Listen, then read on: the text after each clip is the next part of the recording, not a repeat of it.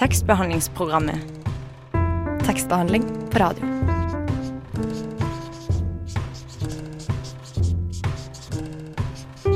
Tekstbehandlingsprogrammet.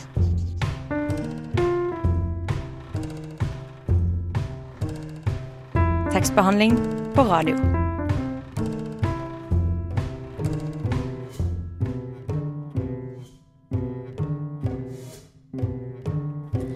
Velkommen til Radio Novas siste sending for det semesteret her av programmet Tekstbehandlingsprogrammet. Eh, I studio i dag har vi meg, Anna Gamme, og Stine Spjelkavik Hansen. Em, I dag så har vi en litt annerledes sending enn det vi har hatt før, for vi skal høre flere utdrag av de forfatterne som vi har hatt besøk av i løpet av året som har gått. Ja, eh, og aller først ut eh, er Victoria Kielland, som skal lese fra den andre boka hennes, som heter 'Dammyr'. Etter istiden lå det igjen en enorm endemorene fra Jeløya til Halden, det såkalte raet. Raet går fra Sverige og inn i Østfold, krysser Oslofjorden ved Jeløya og kommer opp på Vealøs i Horten. Da isen trakk seg tilbake og landet hevet seg, ble endemorenen liggende igjen som svære voller i landskapet. Landet steg, og områdene utenfor raet ble til del slettelandskapet som i dag kalles Rygge, Råde, Onsøy og Borge.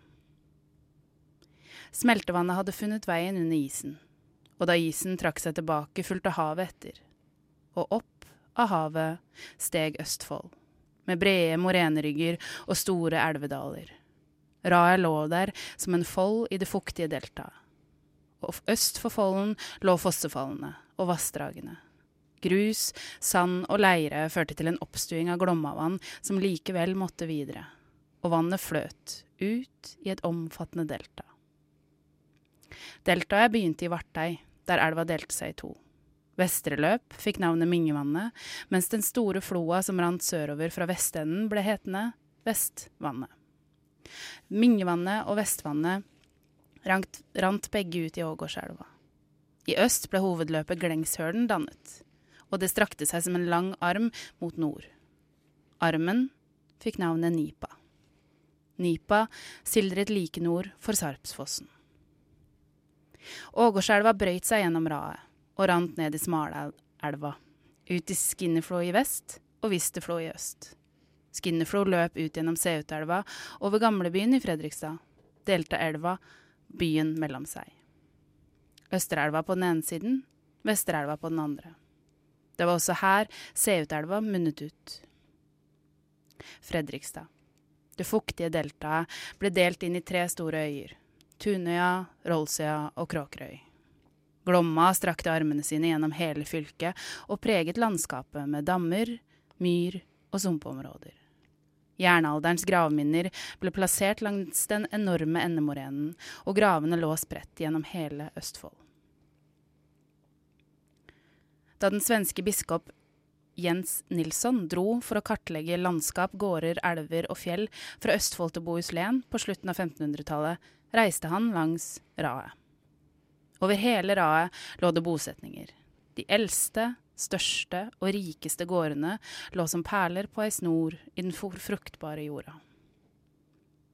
De store fer ferdselsveiene strekker seg mot Sverige. E6 følger raet over flere kilometer, og 12 000 kvadratkilometer skog grenser til Glomma. Glomma var lenge Norges viktigste fløtningselv. Sagverkene ble møysommelig plassert langs den 600 km lange elva. Og Fredrikstad ble landets største trelastsentrum. Plankeadelen økte raskt sitt omfang, og i over 100 år fløt tømmeret nedover vassdraget. Sakte, men sikkert opphørte all tømmerfløting, industrien forsvant, og adelen dro videre. Men vannet fortsatte, i strie strømmer nedover elva, og det eneste minnet som lå igjen, var Plankebyen. Fredrikstads kjælenavn, Plankebyen. Et enkelt ord, et bevis på at elva en gang hadde fylt byen med arbeidsplasser. Nå skal vi høre enda litt mer lesing. Denne gangen er det Dan Andersen som leser fra diktsamlinga si 'Flaggtale'.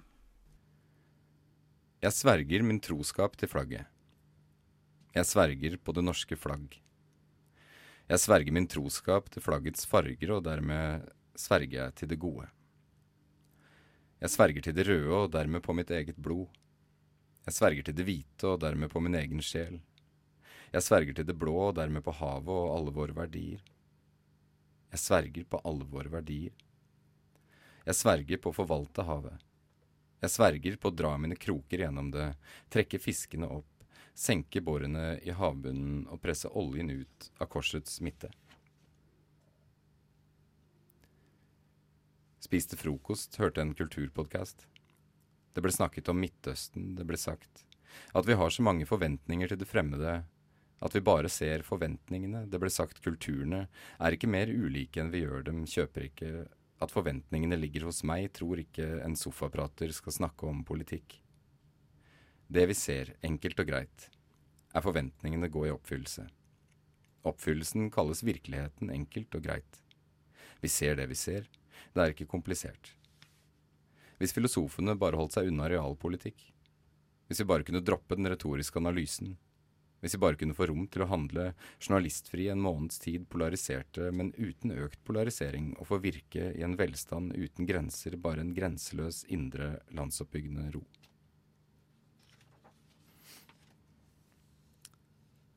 Vi forteller hverandre om ulver i utkanten, men den som skal komme, er midt iblant oss.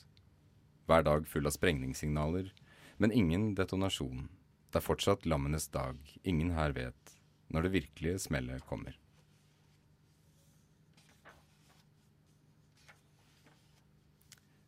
For flagget blafrer for alle. Flagget blafrer for alle som sliter.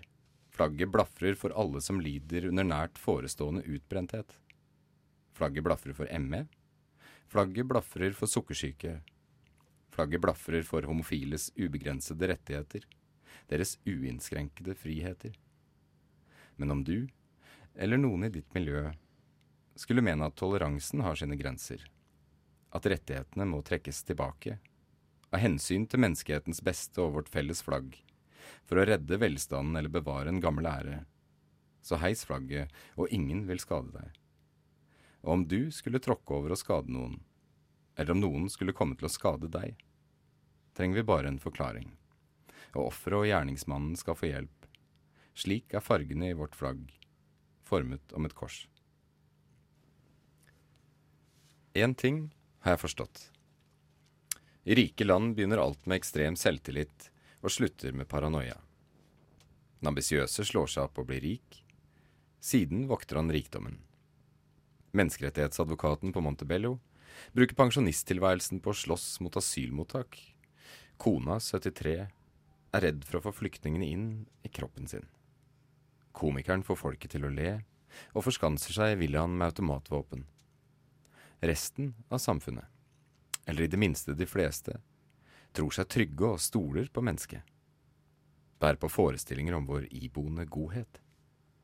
Men blir én av naboene, eller for den saks skyld bare noen medborgere, fra andre siden av byen eller landet, ofre for væpnede ran og overfall, suger man frykten ut av avisforsidene og lagrer den i valker. Om ett eneste menneske av fem millioner blir oppdaget idet det spiser et annet, eller skulle vise seg å ha født barn i hemmelighet, for så å drepe dem og fryse dem ned, trygler vi om at noen skal komme og redde oss fra hvem, som om vi selv satt fanget i kjelleren. En tanke. Det er ikke bare Josef Fritzel som er Josef Fritzel. Det finnes flere Josef Fritzel og flere døtre som skal føde fedrenes barn, i bokstavelig og overført betydning, for alt vi vet, her i landet hvor vi bor, er vi alle kjellerdøtre.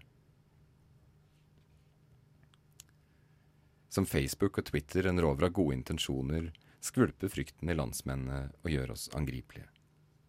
Det at ingen marsjerer for annet enn prinsipper, eller kun protesterer i vennegrupper på nett, gjør oss mer sårbare enn vi tror, mer utsatt enn rikdommen tillater om du ikke er klar for å dø vil jeg ikke høre snakk, om ytringsfrihet ikke høre snakk, om et verdig liv i slike spørsmål har du ingen rett. Du har ingen rett.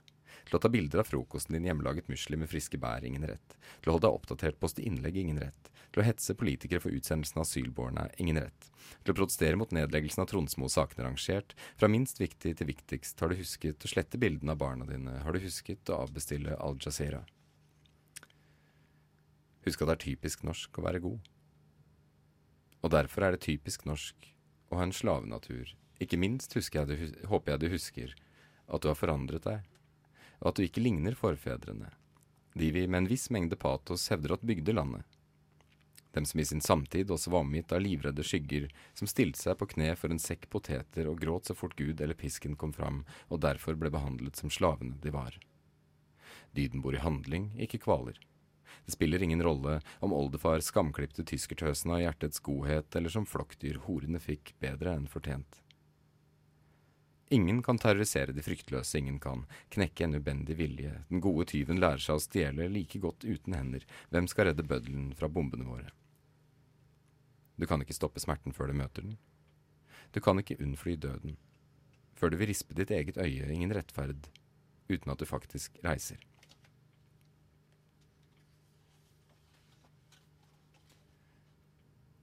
Vinter.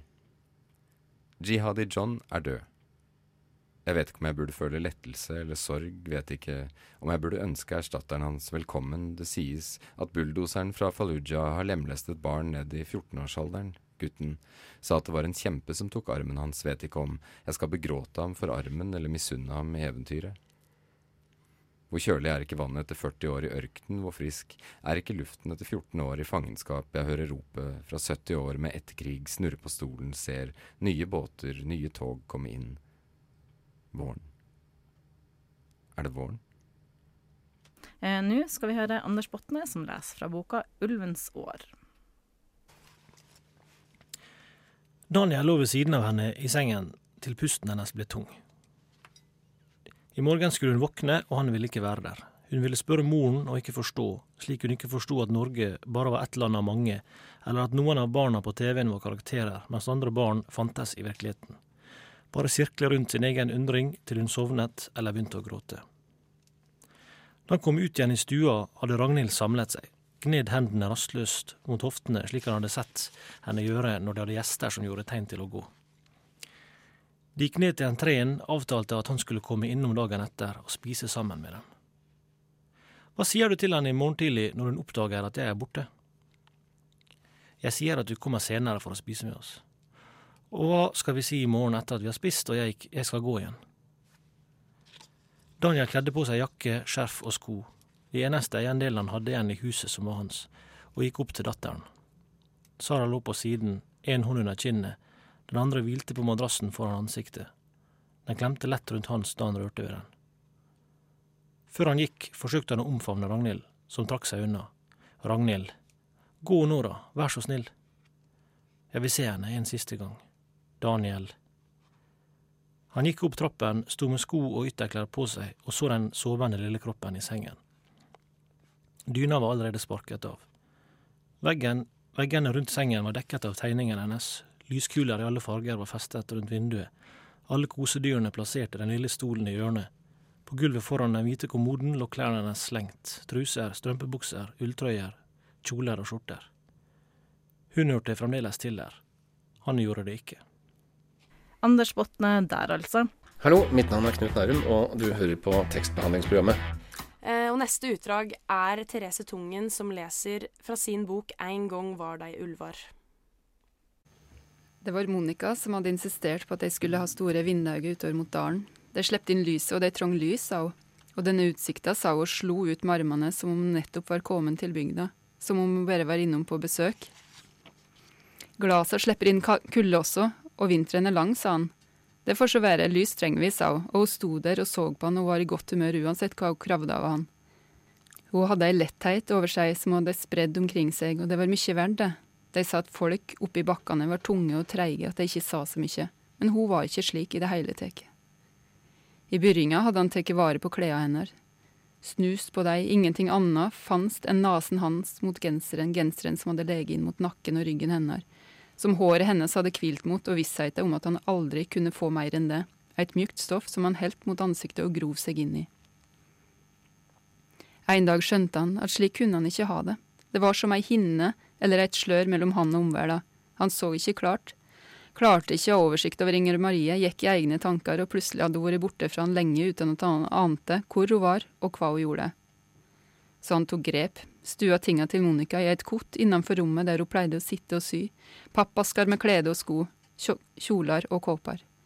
Herregud, så mye klede hun hadde. Det gikk bedre, syntes han. Månedene gikk, han begynte å få skikk på ting, et år gikk. Så gikk det brått ikke så bra lenger. Om hun forsvant fra nettene hans, dukka hun opp igjen på dagtid, ofte litt på skrå bak han, en skikkelse han bare så i øyekroken. Da han snudde seg mot der hun sto, forsvant hun fra han. Du holder på å bli galen, hadde bror hans sagt, du burde kutte ned på turinga. Han angra på at han hadde sagt noe, det hadde ingenting med alkoholen å gjøre, hun kom og forsvant, kom og forsvant, og han styrte ikke over det. Et lys flere opp i det svarte, og rett etterpå drønna det i veggene rundt han. Han slepte fra seg en krass latter og mista hammeren i gulvet. Det kom til å bli et hakk i parketten, tenkte han, og så Det spiller ingen rolle. Først trodde han det var Tola som drønna at den slo ned i nærleiken, men det slutta ikke å røre seg der ute. Han sto og tenkte litt, og la sammen for seg sjøl. Å faen, sa han. Det var lyden av Gunnarå han hørte. Bulderet av rullestein som slo mot rullestein, kvist, store greiner og tre som kjempa seg vei nedover, det som nå var ei elv. Det måtte være demninga oppover mot flata som hadde rasa sammen, og vatnet fra fjellet som kom nedover åa. Han gikk inn på kjøkkenet, bort til kjøkkenvinduet og åpna det. Dråpene gjorde armene hans og ansiktet søkkvåte, og han stirret utover. Pulsen steig. Armene ble numne. Blodet trekte seg innover i kroppen, hjertet dunka i vill fart, som om det prøvde å overleve alt som skjedde utenfor kroppen. Som om buldringa i elva og hjertet hans var det samme. Han hørte åvatnet, helt hit. Det måtte komme fra en annen stad i tillegg. Han så ikke annet enn at det blengte her og der i mørket, men han skjønte nå hva som skjedde. Stein på stein løsna og kom gjennom hagen hans. Vannet hadde funnet seg nye veier, antagelig på hver side av garasjebygningen. Over gardsplassen og rundt huset. Han trog, drog vinduet hardt att og festa haspa, så gikk han bort og åpna utgangsdøra, sto og lente seg mot døråpninga. Eit knirk fra inne fikk han til å snu seg. Inger Marie sto og så på han, håret uvaska og flatt rundt det bleike ansiktet. Hun hadde på seg en av penkjolene sine. Hun så redd ut. Huset er bygd på steingrunn, sa han. Hun sto der bare, svarte ikke. Kom hit, sa han, og da hun kom bort, bøgde han seg ned, tok handa hennes og holdt henne hardt fast i si. Det betyr at det går bra, Inger Marie. Hvor er Synne og Markus nå? spurte hun. De er på Hamar ei stund. Hvor er alle de i klassa mi? Han sa han ikke visste, at det var vann mange steder, men at de sikkert hadde kommet seg til en trygg stad. Men hvorfor er det så mye vann, sa hun. Jeg veit ikke. Det skjer en sjelden gang. Oldefar min opplevde det samme, sa han, men jeg hadde aldri trodd at det skulle skje mens vi levde. Før alle drog, så døde det en unge, sa hun. Han nikka. Han visste hvem hun prata om, en treåring. Faren var i byen og jobba. Mora var aleine med gutten da huset deres var tatt i raset på baksida. Mammaen døde, og ungen døde, sa Inger Marie. Hun så kald ut med de bare armene. Jeg har hørt at pappaen ikke ville leve, at han bare ville dø, han også. Han bare satt og gret, sa hun. Det kan hende han kjente det slik, sa Tor, men vi kan håpe at han kommer seg att. Hvordan kan en bli glad att, sa Inge Marie. Jeg veit ikke, sa han. Vi går fra ulver til blomster. Nå skal vi høre et utdrag fra da Fredrik Svindland leste fra debutboka si 'Pelargonia'. Det blir aldri helt stille i dalen.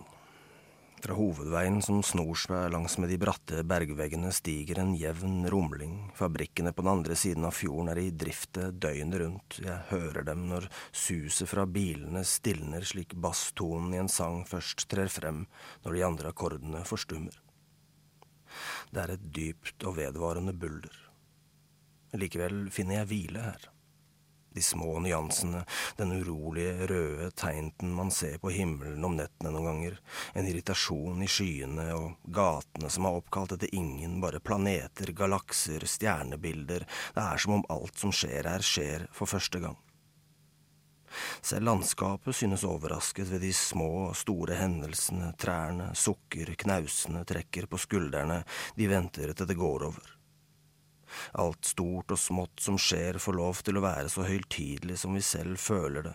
Det er ingen historie her å rette forestillingene sine etter, bare rekken med hverdagslige øyeblikk, det umiddelbare som utløses i alle ting, liksom det finnes en rettferdighet i det som gror, i det som slipper, i det som speiler seg. Jeg gjør denne kraften til min. Jeg gir meg selv de samme lovene. Jeg børster vekk skrukketroll fra mørket under dørmatten, jeg samler kongler som har skjellene lukket, jeg kjenner den uforgjengelige styrken som skriver seg fra de tonene, som fra solen som henter kraft fra sin egen kjerne, som spiser av seg selv uten å forminskes. At denne perioden skal bli så betydningsfull for meg, at jeg kan gå tilbake og kjæle med den slik, gang på gang, uten å pine den ut, det er bare smerte man kan gjøre sånt med. Det er bare den som fornyer seg på det viset. For det finnes også en annen glød, og den skal brenne hull i meg en dag.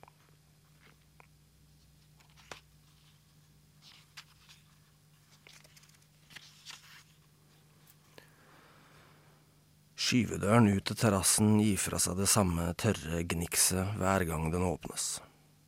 Moren min legger hele kroppsvekten over vrideren, ruller døren et lite stykke ut på skinnen og smetter ut.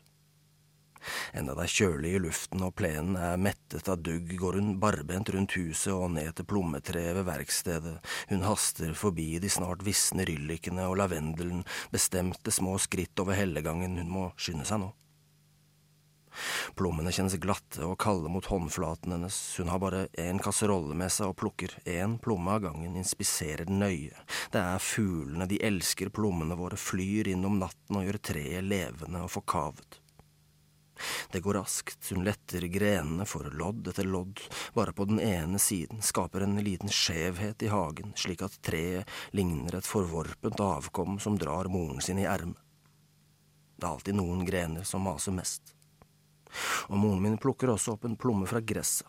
Den er våt, hun biter over det stramme skinnet, steinen løsner lett fra kjøttet i midten, den hårete lille perlen der inne, det er en gave som moren min spytter tilbake til Jon. Nå kjenner hun at det finnes en fred i alle disse gjentagelsene, flettebrødene hun baker hver uke, syltetøyet hun koker, lakenene hun slår ut av vinduet om morgenen, at de er myke trinn i en dans som bare er hennes.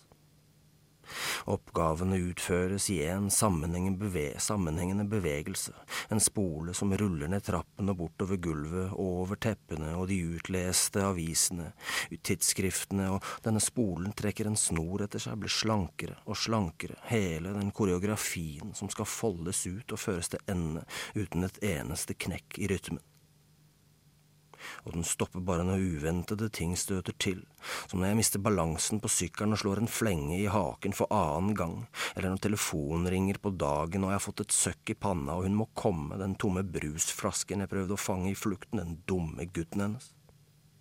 Alt blodet hun ser for seg der hun sitter i bilen. Hun heller kasserollen med plommer over i utslagskummen, og lyden er som viltre, trampende føtter opp og ned trapper. Hun skrur på vannet. Hun deler plommene på langs med en grønnsakskniv, vrir dem fra hverandre, som å skru lokket av et glass med sennep, vipper ut steinen med bladet, legger de åpne plommene tilbake i kasserollen. Og fargene er så uttrykksfulle, det er nesten som de har noe på hjertet med alle sine blå og røde nyanser og alle soloppgangene, alle sommerkveldene, alle vimplene som blafrer, de glatte kroppene i båthavnen, alle de varme vannglassene med fettflekker på, alle stemmene i radioen, alle kampene på grusbanen, vi vinner nesten alltid. Og hendene hennes, uansett hvor mye hun skylder dem, den rikdommen og inderligheten sitter i fingrene hennes der hun tørker dem av med forkle eller et kjøkkenhåndkle, alt overskuddet, alle de sjenerøse pigmentene. Nå skal vi over til Marie Aubert, som leser fra debutboka si 'Kan jeg bli med deg hjem'? Ellen var gått for å kjøpe røyk, og kom ikke tilbake. Mina ventet på utekafeen på det lille torget bak katedralen. Det var blitt mørkt. Planen var at de skulle spise middag i Barceloneta. Etter 20 minutter hadde Mina for lengst drukket opp glasset sitt, og hun hadde ringt flere ganger, men ikke fått svar. Når Minna ble redd, begynte hun å tenke seg det verste. Det var noe Ellen sa hun måtte slutte med. Hun så for seg hvordan hun kom til å løpe rundt i de snirklete gatene mellom turistene og gateselgerne og spørre på engelsk om noen hadde sett Ellen. Hele natta ville hun lete. Og til slutt ville hun måtte ringe til foreldrene og Sigurd og få dem til å komme ned. Sammen ville de snakke med politiet og ambassaden og Ellen ville bli etterlyst med det skålebildet Mina hadde tatt av henne den første kvelden i Barcelona. Etter noen uker ville politiet si at det ikke var noen spor. Og så måtte de gi opp og ta flyet hjem, oppløst i tårer. Det er sånn som skjer, tenkte Mina. Det skjer på ordentlig. Folk blir bare borte. Og Sigurd ville gi henne skylden. Skal vi gå? sa Ellen. Plutselig sto hun ved bordet, og Mina kvapp til. Hvorfor ble du så lenge? sa Mina. Hun rakk ikke å få igjen kontrollen over ansiktet sitt. Jeg hadde ikke tidpakninger noen steder, sa Ellen. Jeg måtte gå til et supermarked langt ut i Gokk. Jeg prøvde å ringe deg, sa Mina. Men jeg hadde ikke på lyden, sa Ellen. De gikk noen gater ned mot havna og sto i kø på en restaurant der Sigurd hadde sagt at de burde spise. Helt legendarisk, sa Ellen. Legendarisk, tenkte Mina. Det var ikke et Ellen-ord. Det måtte være Sigurd. Ellen hadde skrevet ned alle tipsene hans og lett dem opp i kartboka. Det hadde vært god mat overalt. De spiste tapas og pinchos og drakk rosa cava til det tøyt ut av ørene. Men det var som om Sigurd var der sammen med dem og hadde gått opp hele turen på forhånd.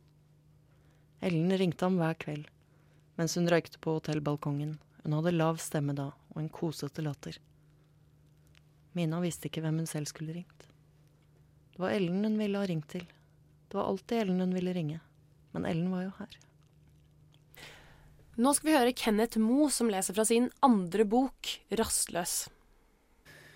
Det var aldri meningen å gjøre dette ute blant folk, og iallfall ikke så mye som jeg har tatt i dag. Verden revet i filler på det verst tenkelige stedet, et hett og stappfullt tog på vei til marka en tidlig sommerdag. Stemmene omkring meg er rasende, ansiktene grotesker. Bevegelsene deres er harde og slemme. Alt som skiller seg ut ved dem, skiller seg virkelig ut, så på vei til den eneste ledige sitteplassen er det nærmest en sirkusparade jeg passerer. Han med verdens største nese og hun med verdens minste. Han med øyne som sitter nesten klistret sammen i midten av ansiktet, og hun hvis øyne er plassert fiskeaktig på hver sin side av hodet. Alle gjennomgår de tuberkuløse hosteri, hosterier eller utstøter enda sykere latterkuler. Og aldri har jeg sett så fortvilede grimaser. Selv det gladeste mennesket jeg ser ut til å være glad fordi hennes ondeste plan endelig er iverksatt. Hun sitter overfor meg og gløtter stadig bort på meg. Eller gjør hun egentlig det? Et spedbarn gråter, og det gråter ikke et uskyldig barns tårer, men kloke og gamle tårer for hele jordklodens og alle menneskers lidelse, for hvor fælt vi alle har det som å omgås hverandre på denne måten. Afrikaneren ved siden av meg snakker høyere på telefonen enn han vanligvis gjør. Det slår meg et øyeblikk at hvis jeg virkelig konsentrerte meg, så kunne jeg lært språket hans ganske fort, og kanskje fått med meg slutten av samtalen. Men jeg klarer ikke å konsentrere meg. Den gamle damen som sitter til venstre overfor meg, presser hunden sin fast i fanget. Den puster og peser, og jeg kan lukte den helt hit. Også den gløtter bort på meg. Den smiler. Vennlig, tror jeg. Nå sitter jeg fint i det. Det føles som om alt dette skjer oppå meg, inni meg. I tillegg sitter jeg med ryggen mot kjøreretningen. Svette renner nedover pannen min og tinningene.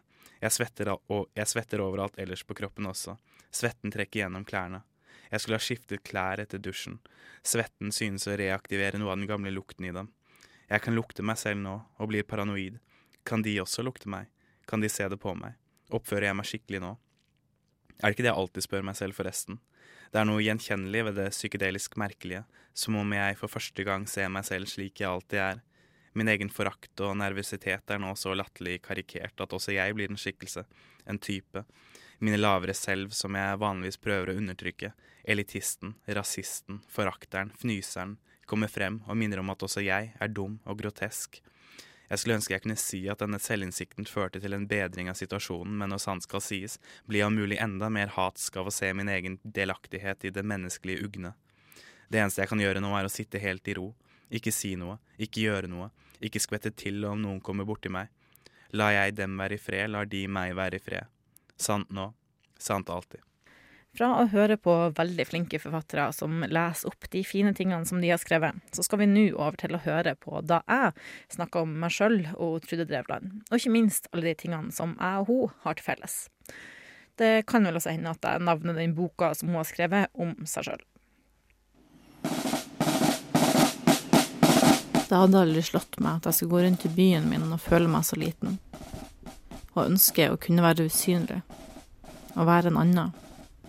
Hvem som helst, bare ikke Trude Drevland. Fredag 16.12.2016 klokka 12.03 poppet opp fire push-varsler på mobilen min. Dagbladet, Nattavisen, NRK og VG melder alle sammen at korrupsjonssaken mot Trude Drevland henlegges. Det er ikke sånn at jeg jubler av glede, men jeg syns det er fint for Trude sin del. Det kan jo hende at hun er uskyldig. Dessuten så er hun min favorittordfører. Ja, eller tidligere, da. Tidligere ordfører, ikke tidligere favoritt. Med unntak av tre, maks fire navn, så kjenner jeg ikke til noen andre norske ordførere. Så naturlig nok så er det ingen som har tatt over trona etter at hun Trude kasta en kjede. Egentlig så må jeg innrømme at jeg vet ikke så mye om hvordan Trude er som politiker, eller hvordan politikken hennes i Bergen var. Det vil si, etter å ha lest denne boka litt privat, så vet jeg litt mer. Men uansett så har jeg alltid likt henne, og ikke bare for at hun er fra Vesterålen, samme region som meg. Knappe to timer og syv minutter unna mitt hjemsted, så finner du hennes. Det er 141 km for de av dere som ikke er fra Nord-Norge, og derfor ikke måler avstand i tid.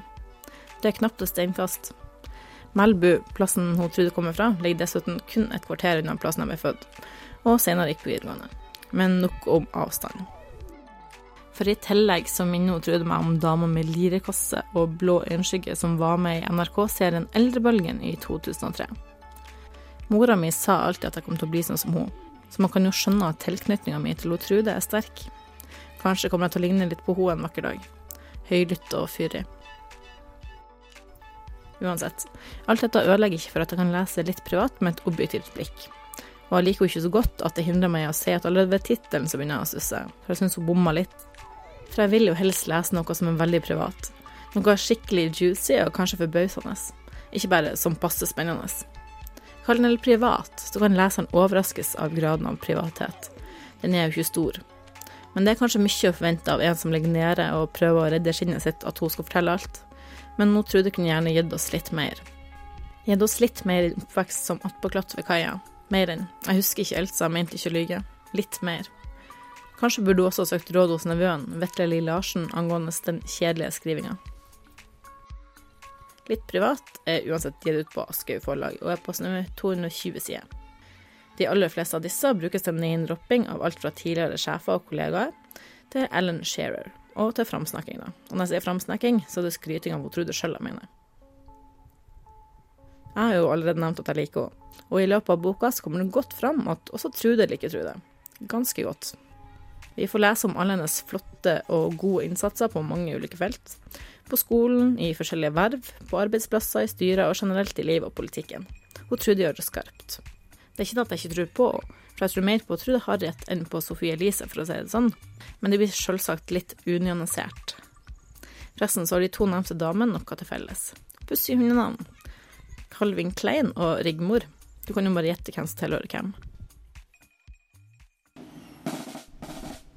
Jeg var inne i en karusell som aldri stoppa. Jeg har blitt en brikke i et spill om Hordaland politikammers troverdighet og medienes makt og egenverdi. Jeg har blitt en brikke i spill om å få rett, en blikket for å skaffe noen en journalistpris. Men hva hjelper det om de vinner, samtidig som de har solgt sjela si?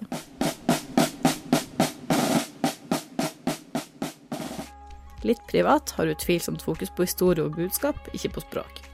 Det skrives for det meste rett fram om nominasjonsprosesser, endring i privatøkonomi, pressekritikk og møter med støttende hvermannser. Til sammen blir alt mest bare en slags forsvarstale, ispedd stekt pressen og til politiet. Kanskje er sutringa betinga, men den er litt kjedelig i lengden, sjøl for spesielt interesserte. Jeg sleit med å åpne boka en hver gang jeg lukka den. 4.1.2017 klager en advokat på henleggelsen av korrupsjonssakene mot den tidligere bergensordføreren. Den høglytte jenta fra Melbu. Nordlendingen som er bergenser. Trude Drevland. Kanskje lukter det en like kjedelig oppfølger. Dagens siste innslag er også reprise. Nå skal vi nemlig få et gjenhør med da han Robin tok et dypdykk inn i en av Bob Dylan sine låter. CO 85275, Subterranean Homesick Blues, number 10, take one.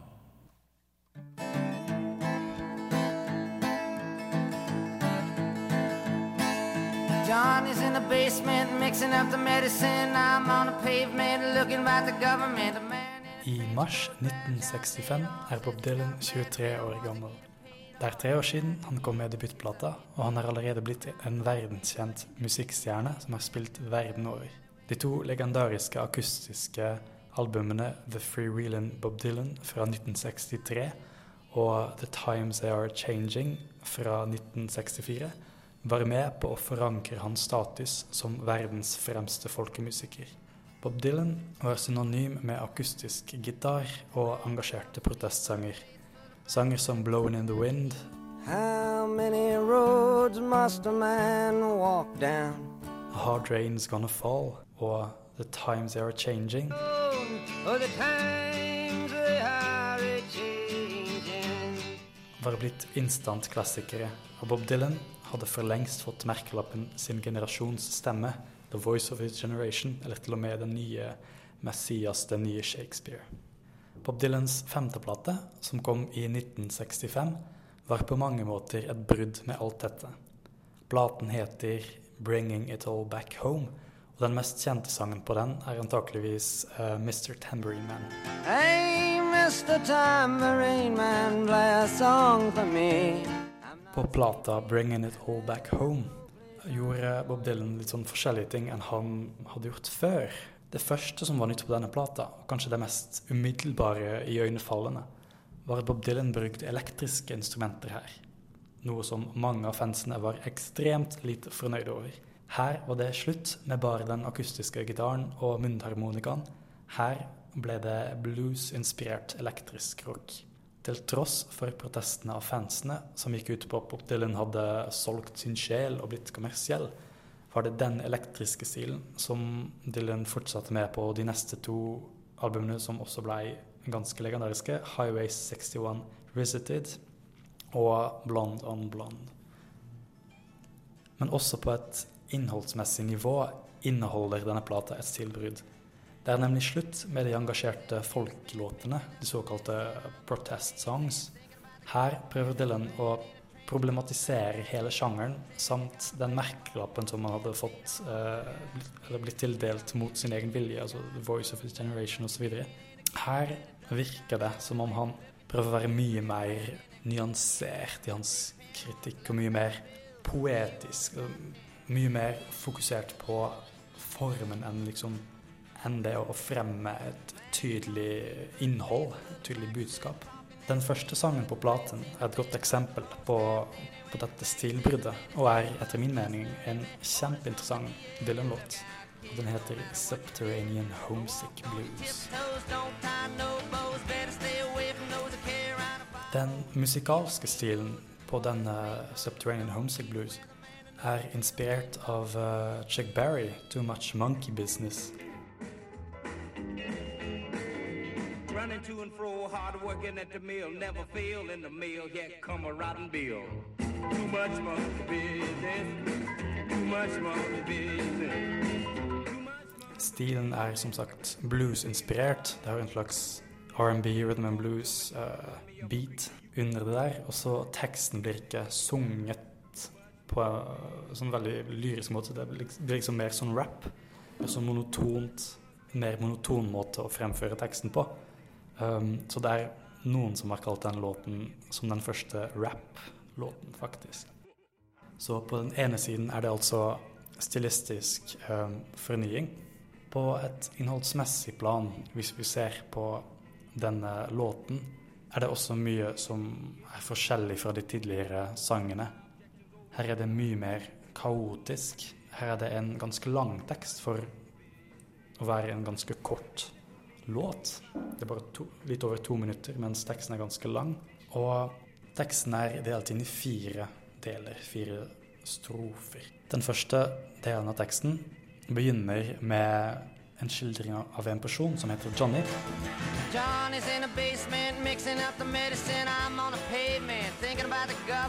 Johnny er i kjelleren og lager LSD.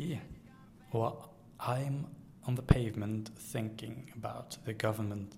Og så forflytter fokuset seg fra dette jeget til en mann, en uh, uteligger. The man in the trench coat, badge out laid off, says he's got a bad cuff, wants to get it paid off. Og så kommer den linja 'Look out, kid'. Den linja kommer igjen i alle de fire strofene. Look out, kid, Get it paid off, look God knows. 'Lookout Kid, it's something you did'. Så da er spørsmålet hva handler dette om? Hva er det som du har gjort? Har det å gjøre med den uteliggeren?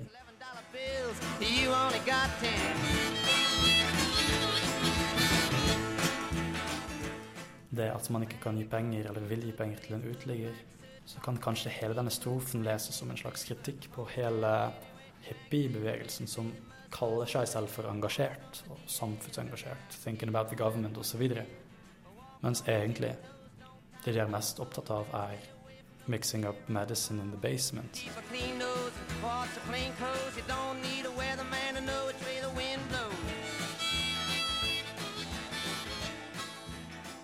Det er selvfølgelig mange interessante ting ved denne låten. Denne teksten balanserer på en måte mellom det å være meningsløs, det å være å ville si så mye ting og være så ufokusert at det blir sånn utydelig for høreren, for lytteren. Hva er det egentlig som skjer? Teksten blir også fremført på en veldig sånn rask måte. Det går nesten ikke an å følge med. Så på den ene siden det der at det ikke er tydelig, er dette Hva er dette? Men på den andre siden er det jo den derre frasen 'look out, kid', som bare dukker opp hele tiden. Som blir en slags advarsel. Så kanskje det peker på at tonen i denne låten likevel er seriøs. Og dermed kan denne sangen likevel betraktes som en type engasjerende litteratur.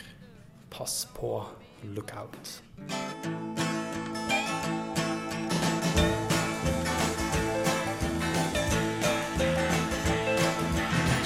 In the basement mixing up the medicine. I'm on the pavement thinking about the government. The man in a trench coat, badge out laid off, says he's got a bad cough, wants to get it paid off. Look out, kid, it's something you did.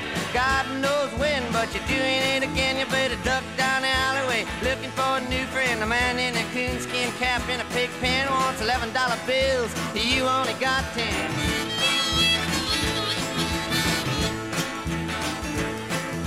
Maggie comes Fleetfoot, face full of black soot, talking at the heat, put plants in the bed, but the phone's tapped anyway. Maggie says the men say they must bust an early man. Orders from the DA. Look out, kid, don't matter what you did. But walk on your tiptoes, don't tie no bows. Better stay away from those that carry around a fire hose. Keep a clean nose, wash your plain clothes. You don't need a weatherman to know which way the wind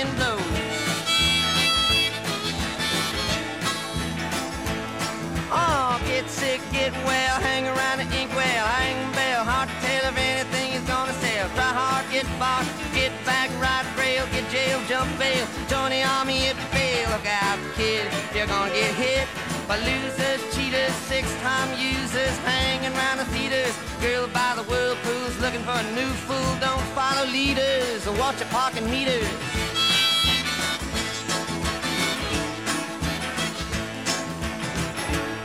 Oh, get born, keep warm, short pants, romance. Learn to dance, get dressed, get blessed.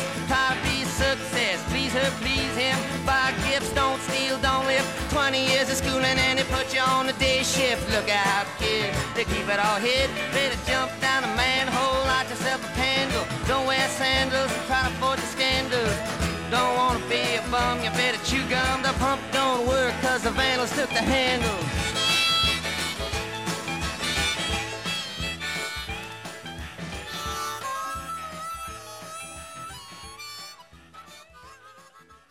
Takk for at du hørte på oss i dag. Det var alt vi hadde for i år.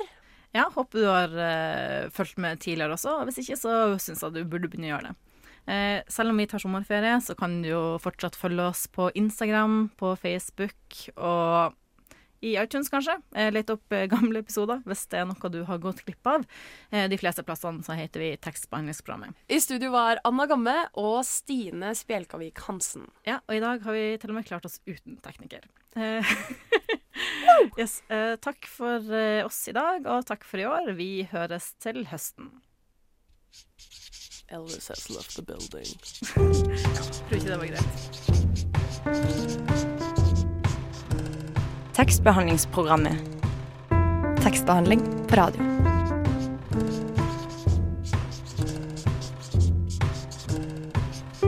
Tekstbehandlingsprogrammet.